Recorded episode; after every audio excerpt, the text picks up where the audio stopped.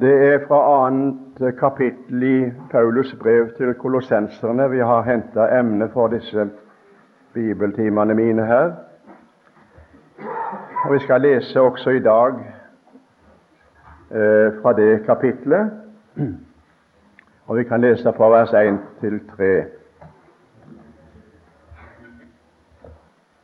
For jeg vil at dere for jeg vil at dere skal vite hvor stor strid jeg har for dere og for dem i Laudikea, og alle de andre som ikke har sett mitt ansikt, ikke selv har sett mitt ansikt, at deres hjerter må bli trøstet, så de kan knyttes sammen i kjærlighet, og nå fram til hele rikdommen av den fullvisse innsikt, til kunnskap om Guds hemmelighet, som er Kristus i ham er alle visdommens og kunnskapens skatter skjult til stede.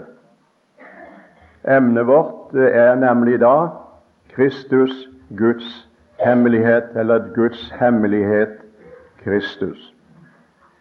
Og Paulus han sier det at de skal nå fram til hele rikdommen seg av den fullvisse innsikt til kunnskap om denne hemmelighet. Vi skal lese videre fra det første kapittel i, i denne bibeltimen her. Og Da skal vi lese vers 26 og 27. Vi kan ta også med vers 28. Denne hemmelighet har vært skjult fra evighet av og gjennom alle slekter. Eh, nå er den blitt åpenbart for Hans hellige. For dem ville Gud kunngjøre hvor rik på herlighet denne hemmelighet er blant hedningefolkene. Det er Kristus i dere, eller som det heter i en eldre oversettelse, Kristus iblant dere, håpet om herlighet. Og Han forkynner vi i det vi formaner hvert menneske og lærer hvert menneske med all visdom for å fremstille hvert menneske fullkomment i Kristus. Herre Jesus, vi vil be om nåde over denne time. Vi vil be om nåde ved Din hellige ånd, at vi kunne få lov å se inn i noe av denne hemmelighet som er blitt åpenbart ved Din åpenbarelse. Og la oss Jesus også få lov til å se det slik at vi kunne bli trøsta i våre hjerter og bli knytta sammen i mer inderlig kjærlighet til hverandre og til deg.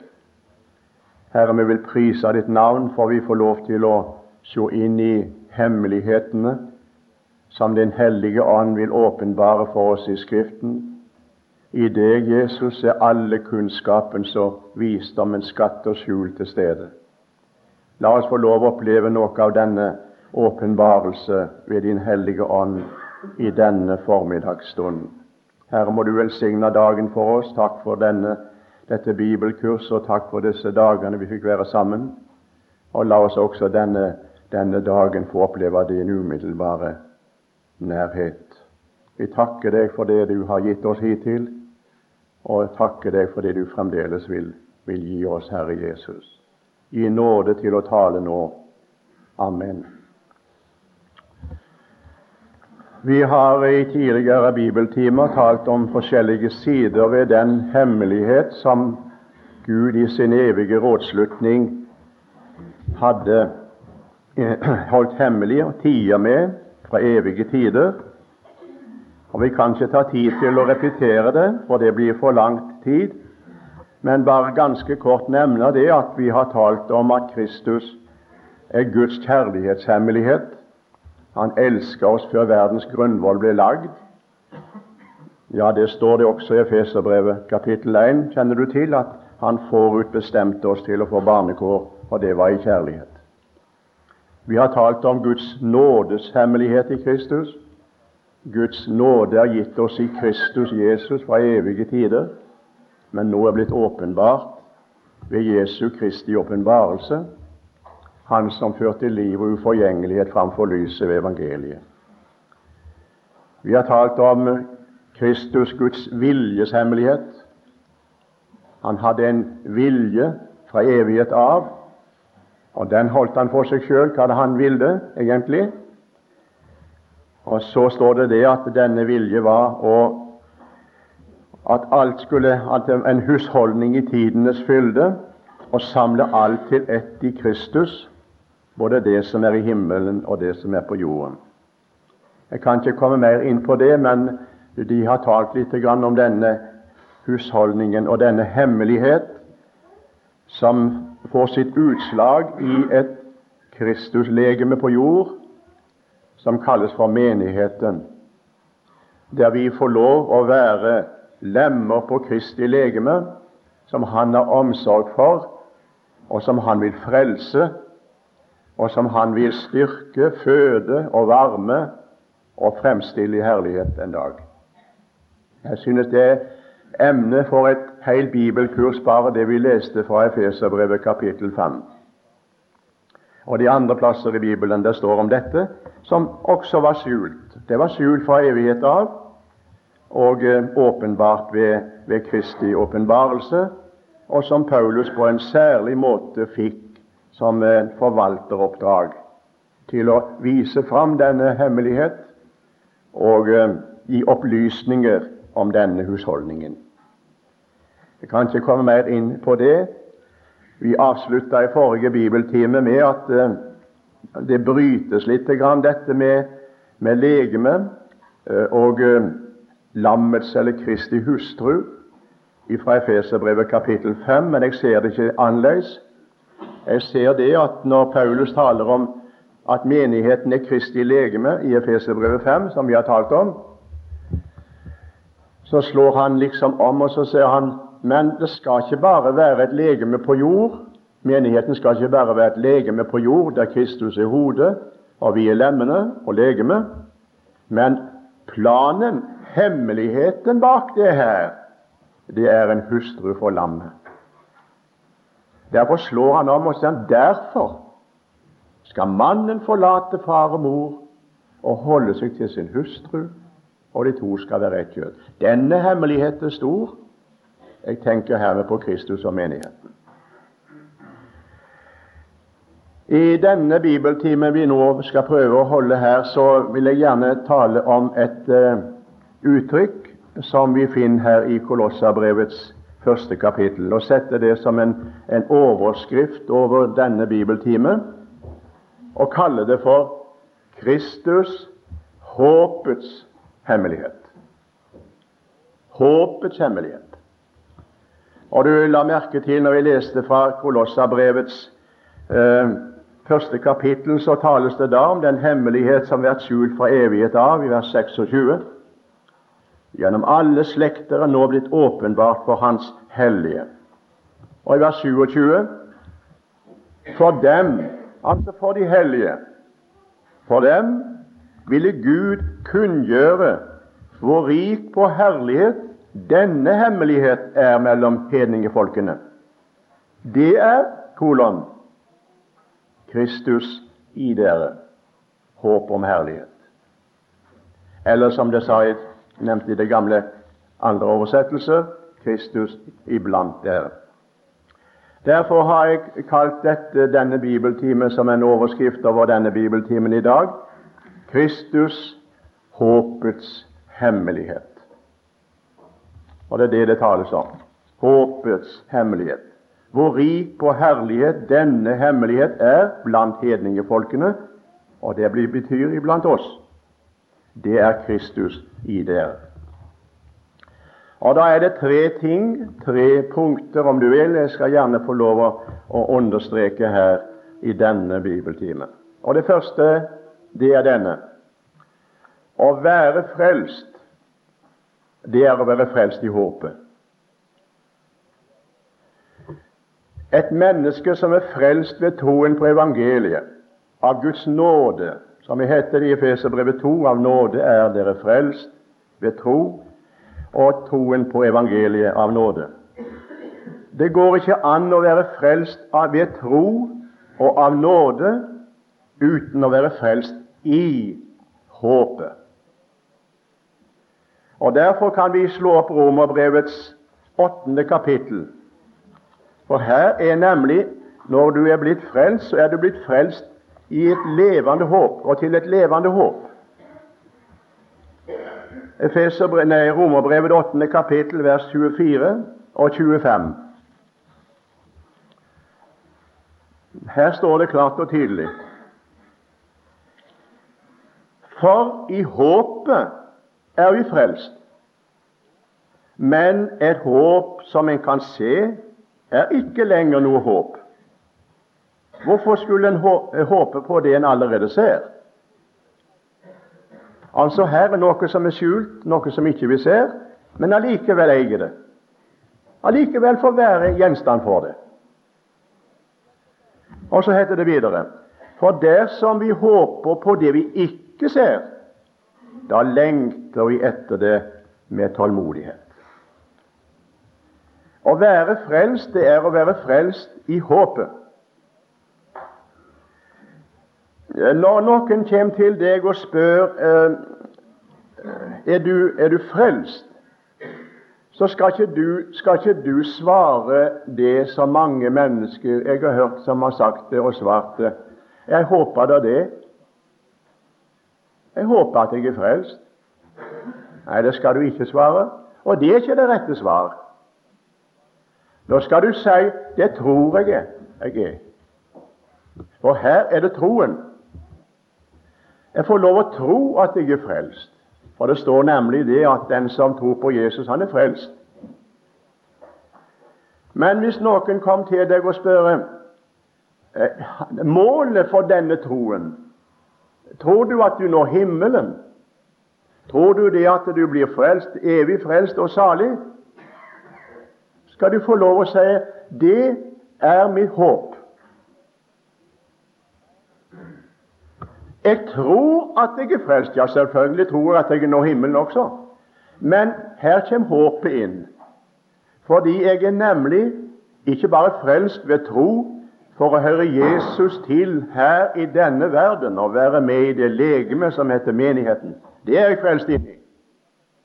Og jeg priser Gud og takker Han fordi at jeg i min tidlige ungdom ble en lem på dette legemet. Og for tilhører Kristus på den måte i denne enheten, denne åndens enhet i Kristus Jesus. Å være sammen med alle Guds venner, Guds folk, sammen i ett, i en husholdning, i et legeme, i en menighet som han er hodet for. Men eh, når han frelste meg for snart 50 år siden, så ble jeg frelst i håpet. Og Jeg må gjerne si det her, derfor det ikke, går det ikke an å være frelst å være en kristen uten å være frelst i håpet. Du skal slippe håpe at du er frelst her, men du skal få lov å regne med at når du en dag skal ut av dette liv, da skal du få lov å oppleve at det er et håp, et levende håp, som da begynner å gjelde, og som du får lov til å regne med at det er vi er frelst i. Og Nå skal vi gå til det uttrykket som vi finner i 1. Peters brev, kapittel 1 og vers 3. For her er nemlig selve håpets garanti. Jeg synes det jeg må få lov å sitere noen av disse bibelordene som forteller oss om dette. 1. Peters brev, kapittel 1, vers 3. For her kommer et uttrykk inn som stadfester det jeg nå har sagt, og er med å understreke det. Peter han skriver her til menigheten, og så sier han Lovet være Gud, vår Herre Jesu Kristi Far, som etter sin store miskunn har gjenfødt oss til et levende håp ved Jesu Kristi oppstandelse fra de døde. Og så taler han om en arv som er uforgjengelig og uflekket og uvisselig, og som er jevn for dere i himlene. Dere som i Guds makt blir holdt oppe ved troen til den frelse som er ferdig til å bli åpenbart i den siste tid.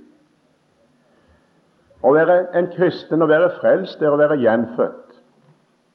Ja, det står klart og tydelig født på ny, gjenfødt ikke ved, ikke ved menneskets makt, men ved Guds ord og ved Guds ånd. Men det går ikke an å være gjenfødt, å være født på ny, uten å være gjenfødt til et levende håp. For det er du nemlig så sant du er frelst, og så sant du er gjenfødt. Så er du ikke bare gjenfødt til å være et Guds barn og tilhøre Jesus her i denne verden, men du er gjenfødt til et levende håp som strekker seg inn i evigheten. Inn der hvor arven uforgjengelig, uflekket og uvisselig er gjemt for deg. Opp til denne vandringen, eller til dette mål, holdes du oppe ved Guds makt, ved troen. Jeg synes det dere ordet er så vidunderlig for meg. Jeg er så glad for det står slik. For det er ikke min makt som holder meg oppe. Jeg holder meg ikke oppe sjøl. Men det jeg får lov å gjøre, og det du får lov å gjøre, det er å tro på Jesus. Det er en troes liv du lever. Og gjennom denne troen og dette troeslivet holdes du oppe av Gud inntil den frelse som er ferdig til å bli åpenbart i den siste tid. Her er nemlig en side ved frelsen, venner, som ikke er åpenbart ennå, ennå men den er ferdig. Hos Gud ligger den ferdig. Planen er klar. Han vil ha oss til himmelen. Han vil ha oss hjem. Kristus han er sitt legemes frelser, leste vi sist. Og det er det som er målet. av Peter han bruker uttrykket her i 1. Peter 1, vers 9. Der bruker han uttrykket 'endemålet for deres tro'. Det er sjelenes frelse. Endemålet. Det er et endemål, og det er inne i evigheten i herligheten. Så her kan jeg bare få lov å si det til deg i denne anledningen her. Bibelen taler om å gi Gud makt. Hvor skal vi gi Gud makt? Salmisten han bruker det uttrykket der. Gi Gud makt. Ja, da må vi bare få si det slik Slipp troen til. Tro gjennom alt som de møter. Snart du jo hjemme er så sant vi får lov til å ha den levende tro på Jesus gjennom og Gud, gjennom denne troen er det Guds makt som holder oss oppe. Derfor sier Peter her dere som ved Guds makt blir holdt oppe ved troen til den frelse som er ferdig. Men det å være altså et gjenfødt menneske som det er, må til. En ny fødsel må til, det har vi understreket, og det er blitt understreket igjen og igjen for oss i dette bibelkurs. En må bli fødes på ny. Men da skjønner du det at du er gjenfødt ikke bare til å være et Guds barn i denne verden og være Herre Jesus til her, men du er gjenfødt til å være sammen med Han i herlighet. Tenk det. Gjenfødt til et levende håp ved Jesu Kristi oppstandelse fra de døde. Det brukes et uttrykk i Bibelen jeg er veldig takknemlig og glad for at det står. Kristus er førstegrøden, står det. Kristus er førstegrøden, og vi vet hva førstegrøden var for noen ting. Og Det står en annen plass i Bibelen det står det 'den førstefødte av de døde'. står det. Åpenbaringen 1. Førstegrøden, det var den første prøve på hovedgrøden. Det var en, en, prøve som de bar inn, og så kunne en si slik som denne førstegrøden er, slik som dette kornbandet er, eller denne frukten er som jeg bærer inn nå, slik er hovedgrøden ute på åkeren. Det er hovedgrøden. Det, dette er bare et, prøve. Slik skal, er også den grøden som står igjen der ute. Og førstefødte av de døde, heter det om Jesus der i åpenbaringen 1. Og Herren over kongene på jorden, førstefødte av de døde, betyr jo det at det kommer andre som også skal fødes ut av det døde. Fordi at han er den som har gått foran, førstegrøden og den førstefødte av de døde, så kommer vi som hører han til, og blir også oppleve den samme oppstandelseskraft, og blir forvandla og blir lik han, som er førstegrøden, og som er den førstefødte av de døde. Så her er det et vidunderlig sannhet. Vi er gjenfødt til et levende håp ved Jesu Kristi oppstandelse fra de døde. Dette levende håpet er garantert i Jesu Kristi oppstandelse. Som han sto opp, vant over døden, er førstegrøden, førstefødt av de døde, skal vi også oppstå og være sammen med Han. Slik som Han er, slik er også vi i denne verden. Og Derfor vil jeg gjerne understreke det så sterkt jeg kan her i dag, at du er gjenfødt, kjære venn som er på bibeltimen i formiddag. Du er gjenfødt ved Guds ord og ved Guds ånd, ved troen på Jesus, og hører Herren Jesus til. Men tenk nå på det. Du er gjenfødt til å være sammen med Han i evighet. Gjenfødt til et levende håp ved Jesu Kristi oppstandelse fra de døde. Og så er det et ord til som jeg gjerne også må understreke, og det er 2. Tessalonika 2,16. Her er så mange, mange plasser eh, vi kunne understreke her, men la meg bare få understreke det, for det er likedan som det er med frelsen ellers. 2. Tessalonika 2,16, der, der står det noe slik. Men han selv vår Herre Jesus Kristus og Gud, vår Fader, Han som elsket oss og gav oss en evig trøst og et godt håp i nåde. Han må styrke deres hjerter og trøste deres hjerter og styrke dere i all god gjerning og tale. Altså Her er et, et håp som er av nåde. Og vi kan godt si det her, som det står i, i, i, i sangen Av nåde alt jeg får hos Gud fra først til sist. Hele veien, altså. Det er et, det er et nåde, et, et nådeverk fra Gud. Uforskyldt. Et godt håp i nåde, heter det her. Og Vi skal gå også til Kolossabrevets første kapittel og vers 23. Der finner vi en, et uttrykk som også korresponderer med det vi nå taler om her.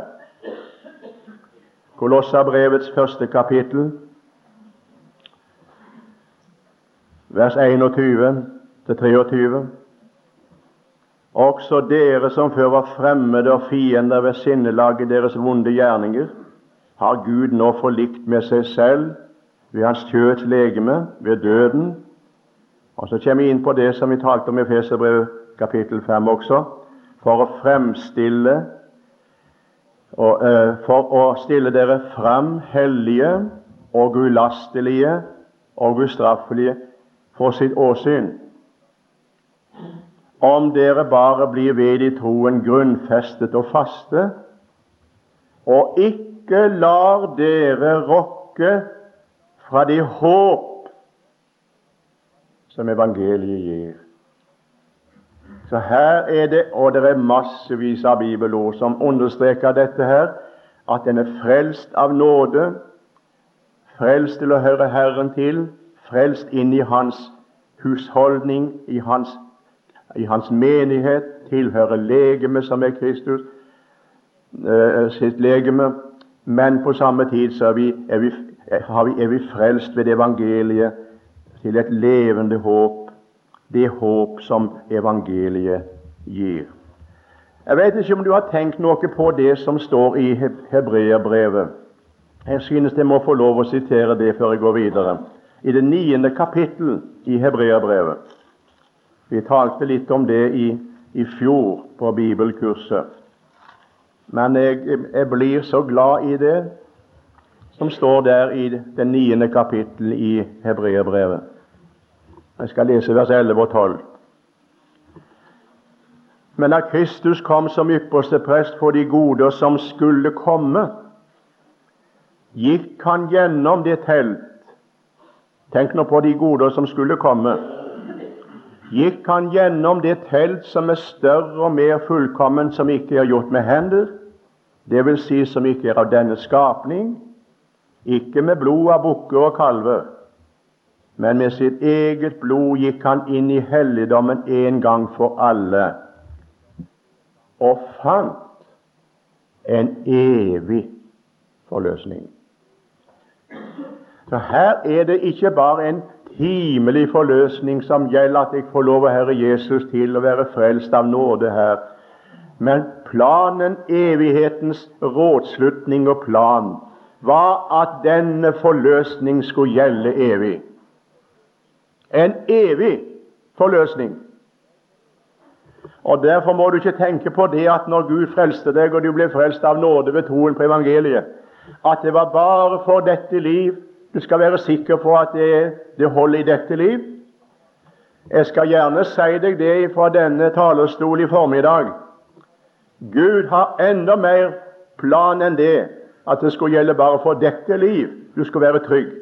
Nei, sier han, når jeg har fullbrakt frelsesverket ved min sønn og satt han ved min høyre hånd i himmelen, er det en evig forløsning som gjelder.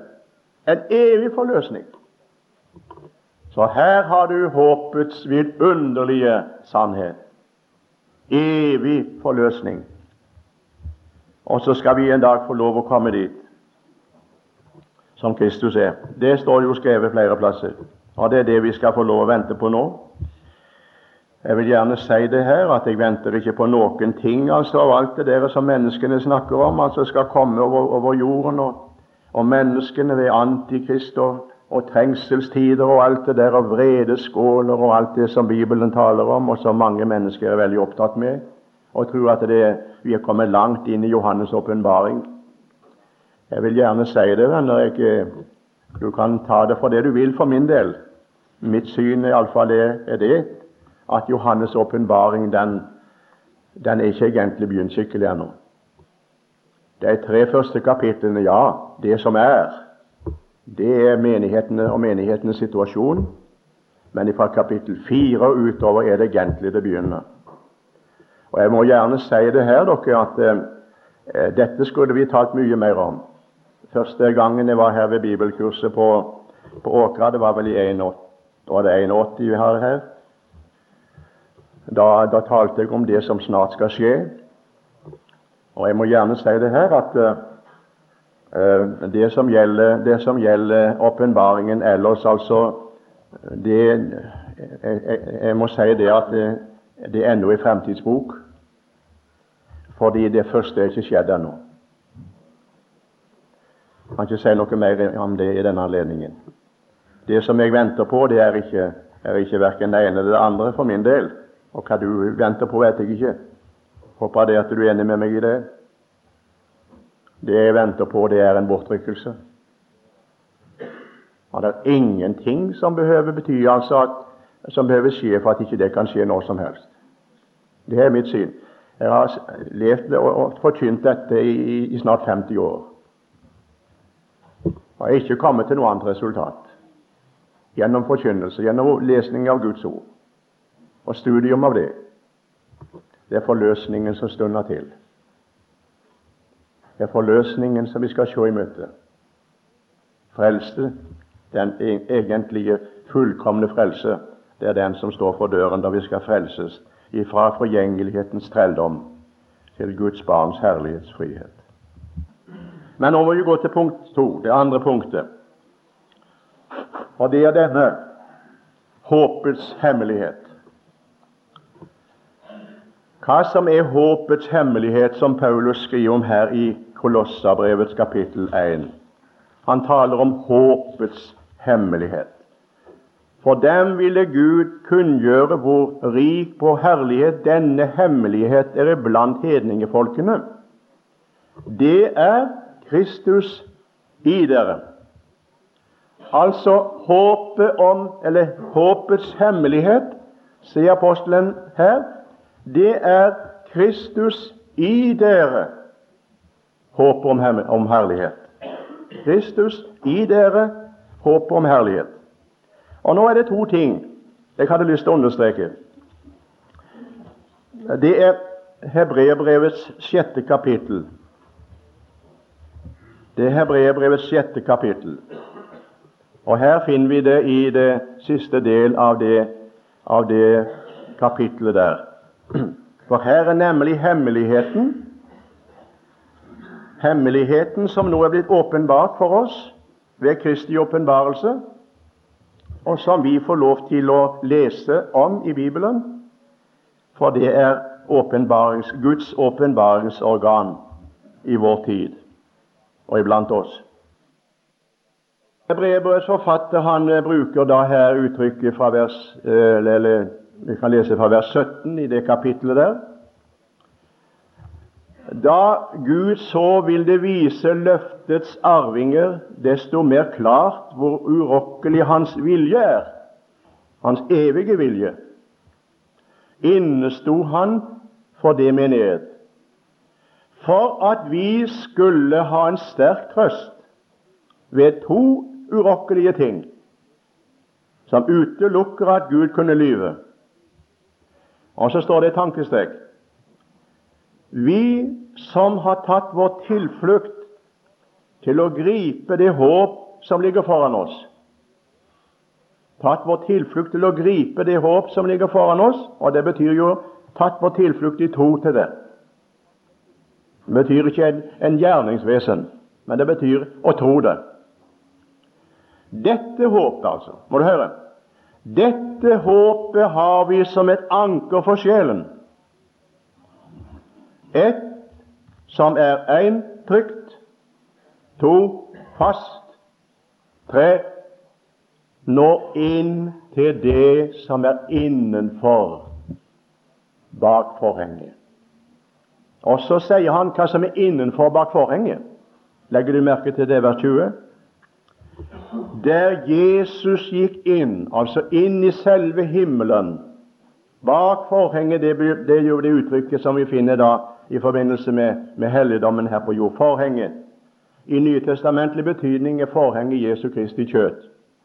Hans lidelse og død.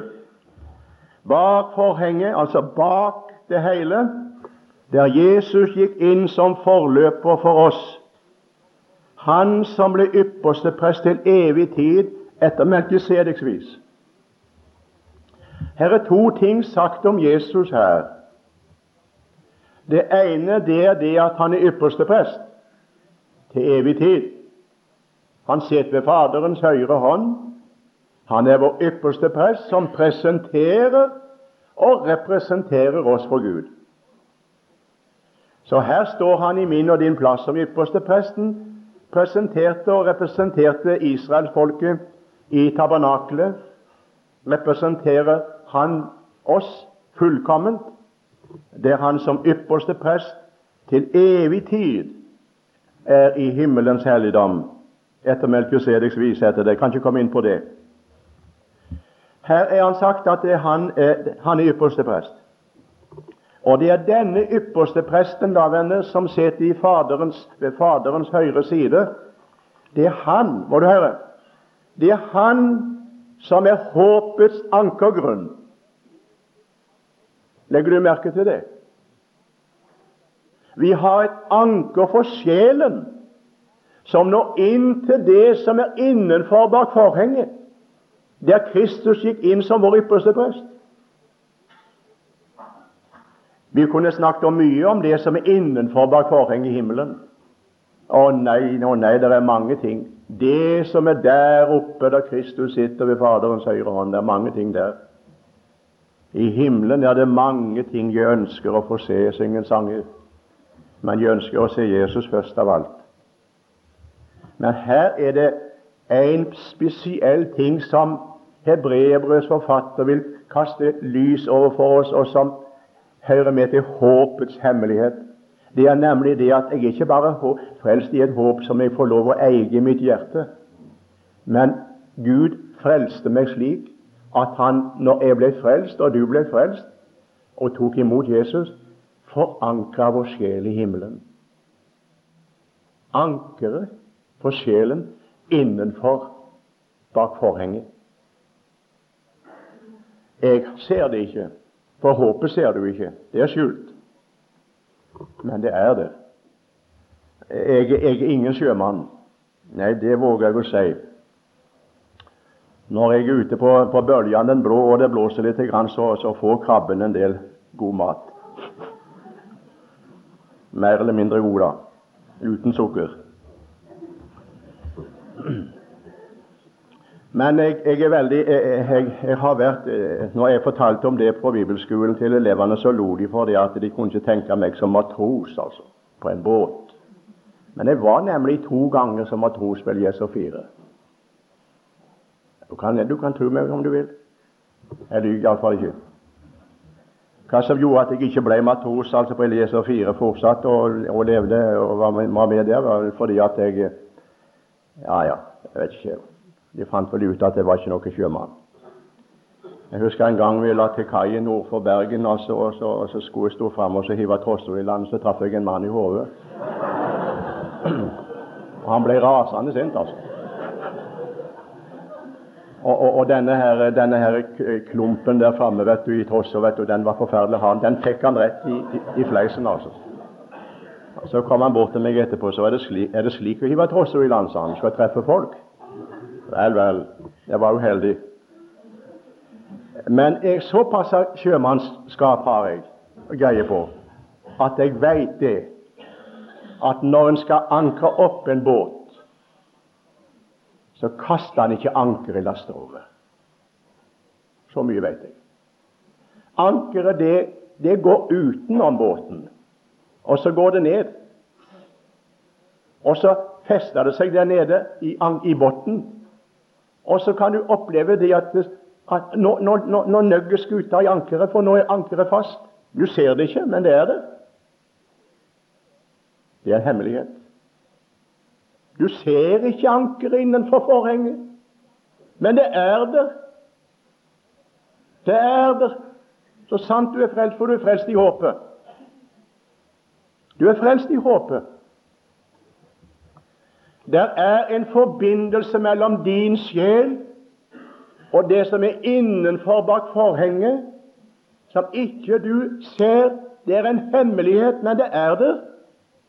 Og en dag når du kommer inn i herligheten og opplever den fullkomne forløsningen, skal du få se det ankeret, for det var nemlig forankra i Kristus. Men nå ser du det ikke. Men det er, det er der. Og Derfor kan du gjerne synge med sangeren 'Alene i håp til Gud min sjel er stille'. For ankeret er festa innenfor. Og så kan det blåse hvor mye det vil, og så kan bølgene bli så høye som de bare vil. Ankerbotten, den er trygg. Den er sikker. Sjelen er forankra ikke i noe i seg sjøl. Ikke for noen ting på denne jord, hvor godt det kan være. Det er forankra innenfor, bak forhenget, i en ypperste prest som har påtatt seg å være ditt liv innenfor Gud. Derfor står det når Kristus, vårt liv, åpenbares, skal vi åpenbares med Han i herlighet. Dette skulle du ta med, for dette er godt å få lov å hvile i. Å nei og nei. Hvor godt det er å møte mennesker som du opplever faktisk talt er på ferd ut av dette liv, og som ligger der på sitt dødsleie. Jeg har opplevd det flere ganger. Og sier det så klart og tydelig, enda med brusten, mer eller mindre brusten stemme. Det holder. Det holder det Jesus har gjort. Det gjelder. Nå er stormen her, den siste storm. Men så står det nok også et annet uttrykk her som du gjerne må ta med. Det eneste plassen i Bibelen jeg finner det uttrykket om Jesus. Det er eh, Hebreerbrevet 6 og vers 20. Det står noe her Han gikk inn som forløper. Sånn er En forløper, hva er det for noe, da? Ja, En forløper det er en som løper foran de andre. det. Det ligger jo i selve uttrykket, det. Løper foran. Og så kommer de andre etter. Det er jo akkurat det samme som når, når vi snakker om at en, en, en, en, person er gått foran, og så skal vi komme etter ham.